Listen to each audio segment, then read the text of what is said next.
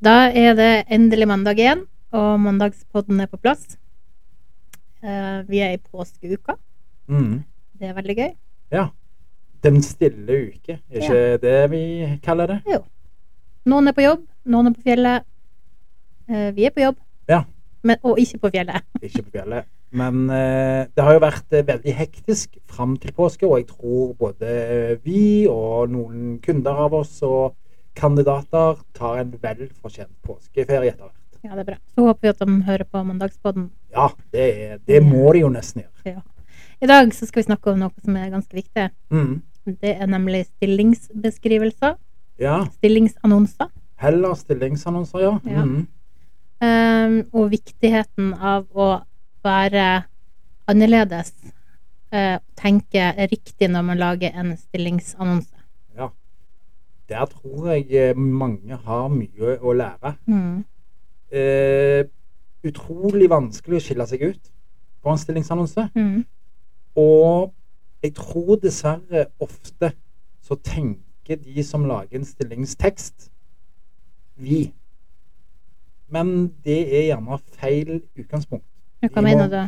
De skal ikke tenke oss eller vi som selskap. De skal tenke du som leser eller kandidat.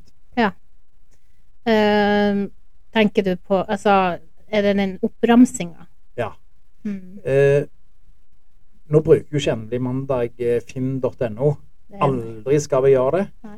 Eh, men vi ser jo og lager jo presentasjoner av stillinger i stillingsannonser, vi òg. Og til og med vi får jo overlevert materiale fra kunder som jeg mener ikke er godt nok. Mm. Markedet er jo sånn at det er jo nesten umulig å få kvalifiserte søkere. Ja, eh, hvorfor det? Nei, jeg, jeg tror at eh, mangelen på teknologer er så stor. Og eh, det vil òg være veldig vanskelig å skille ut i en stillingstekst hvorfor gresset er grønnere på den siden som, som dette selskapet prøver å få fram.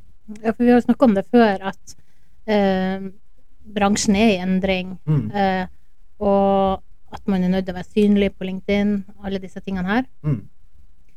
Hvorfor er det så viktig å være god på å skrive stillingsannonser? Ja, Hvis vi tar det første skrittet som jeg sa, at vi skal ta bort vi. Vi ønsker, vi søker, vi vil, vi gjør, vi Da har du i alle fall starta riktig. Og så er det en ting som vi er veldig opptatt av. Det er følelser. Mm. Du må få følelser i teksten for å nå mottakeren din. Og mottakeren eh, innen teknologi kan jo være veldig spiss. Altså at du vet hva kunnskap, erfaring, bakgrunn vedkommende har for å matche en. Og det er det vi skal ta tak i. Hvordan tar vi bort vi? Hvordan får vi følelser inn i en tekst? Og hvordan snakker du til det rette publikummet? Da trenger vi konkrete tips. Da Kjør. skal vi være konkret. Vi tar den først, da. Eh, jeg har en påstand om at eh, en utenforstående for et selskap hopper litt i vi.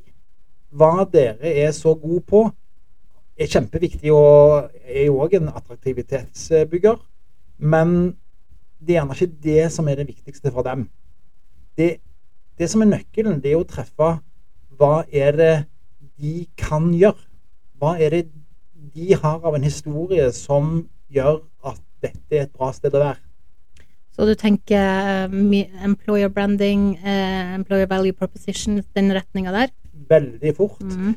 inn i en historie som forteller hvorfor de har suksess. Litt som å være eh, norsk.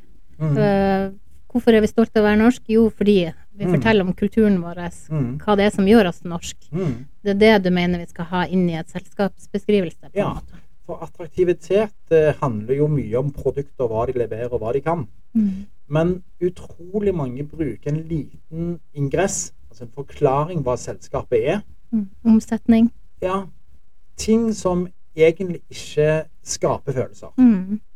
Og vi-ramsing er den første feilen eh, i stillingsannonser. Vi søker etter vi vil, vi skal, vi har, vi vil eh, Ja, du kan ta det i mange, mange setninger. Mm. Så ta bort vi, men heller å ha fokus på hva som skal skje. Hva som har skjedd. Hvor dere er på vei. Hva er det dere gjør som skaper en høy attraktivitet i selskapet? Mm. I en historiefortelling som er bygd opp rundt følelser. Ja, vi vet jo at følelser er helt avgjørende for å nå ut med et budskap mot kandidater. Det er det. Følelser er jo verdens mest solgte produkt. Mm, ja. Eh, og da hadde jeg sagt at ja, det er gjerne den veien vi skal inn i introduksjonen om selskapet. Følelser, ikke vi.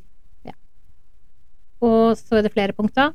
Ja, så er det jo slik at eh, svært mange ramser opp 5, 10, 15 punkter om språk, teknologi, eh, bakgrunn, krav eh, og lignende. Det tror jeg heller ikke skaper en interesse for å søke en stilling. Jeg ville sagt eh, dette oppsummert i én setning eh, ut ifra hva vi jobber med. Du er teknologisk framoverlent og ønsker å skape løsninger som påvirker mange brukere. Mm. Da tenker jeg at du oppsummerer egentlig hva jeg mener er en god teknolog. Så er det jo klart, du kan jo selvfølgelig fylle på med språk og kode og erfaring. Men jeg mener fortsatt at det er viktigst at de har et teknologisk hode, ønsker å jobbe et sted som skal dra de framover, og lignende. Og det er følelsesbasert. Absolutt. Eh, jeg tror heller ingen søker en jobb for at de er flinke i syv av de ti punktene som står oppramsa. De søker eventuelt en jobb hvis, de hvis det er noe som treffer utover teknologien de jobber med hver dag. Tenker du at det avskrekker folk fra å ta kontakt eh, eller søke på en jobb eh, når de kan kun seks av ti språk? Ja. Der skiller jo kvinner og menn seg veldig. Du sa seks av ti. Ja. Eh, Jeg sa syv av ti. For Ja. menn er jo mye mer positive når de leser en stillingsannonse. Eh, De ser de syv av ti tingene de kan, og tenker ja, jeg kan søke, jeg er kvalifisert. En kvinne ser seks av ti eh, ting hun kan, men har fokus på de fire som hun ikke er god på. Så du, du, du- begrenser jo selvfølgelig søkermassen, men jeg tror jo ikke at du får en rå teknolog til å søke jobb om du ramser opp all teknologi du hører på. Tenk om det hadde heller stått vi skal ut på en kjempespennende reise. Vi trenger de råeste teknologene til å være med på dette laget. Noe i den gaten. Noe som brenner for å skape løsninger. Og Så kan det jo være en akademisk eh, begrensning. At noen ønsker master eller ph.d. eller eh, bachelor i bunn. Men det kan jo stå. De Ja. ser helst at du har eh, en akademisk eh, bakgrunn innen eh, relevans innenfor teknologi. Da er vi enige om eh, kutte bort Mhm. vi-segmentet. Mm. spille på følelser. Mhm. eh, og slutte med den oppramsinga av eh, Hele stacken. hele stekken. Eh, hva tenker du sånn avslutning på en god annonse er? Ja. Er det et søk her? Eh, nei. Eh, da, da er det jo egentlig avslutningen du skal ha fokus på, og da mener jeg det handler om attraktivitet. Hva er det jeg får igjen for å jobbe der? Og her, hør hvordan jeg snur det om, istedenfor hva de selskapet får igjen for at de søker. Hva er det den kandidaten de prøver å prate til, får igjen for å jobbe der? Du sa det innledningsvis, eh, Silje. Da snakker vi om employer value propositions. Hva er det de tilbyr? Da er det gjerne ikke lurt å skrive at vi har julebord. Nei. For det har de fleste. ikke sant? Eh, Vi har lønningspils. Det har de fleste. Så vi må inn i en helt annen et, et løfte til de som de prøver å ta tak i. Og hva kan de love? Jo, at de skal være med på en spennende teknologisk reise. Vi er jo veldig heldige å ha kunder som kan love det. Mm. Men de kan òg love at her vil du bli sett og hørt. De kan love at eh, her jobber vi daglig for å heve din kompetanse, både gjennom gode kolleger, men òg kurs og kompetanseheving. Mm. Og de kan ha et løfte om at det, det å ta dette skrittet videre, så skal de ivareta deg som, eh, som menneske. Eh, ikke bare i en profesjonell setting. Nei. Work-life balance. Ja.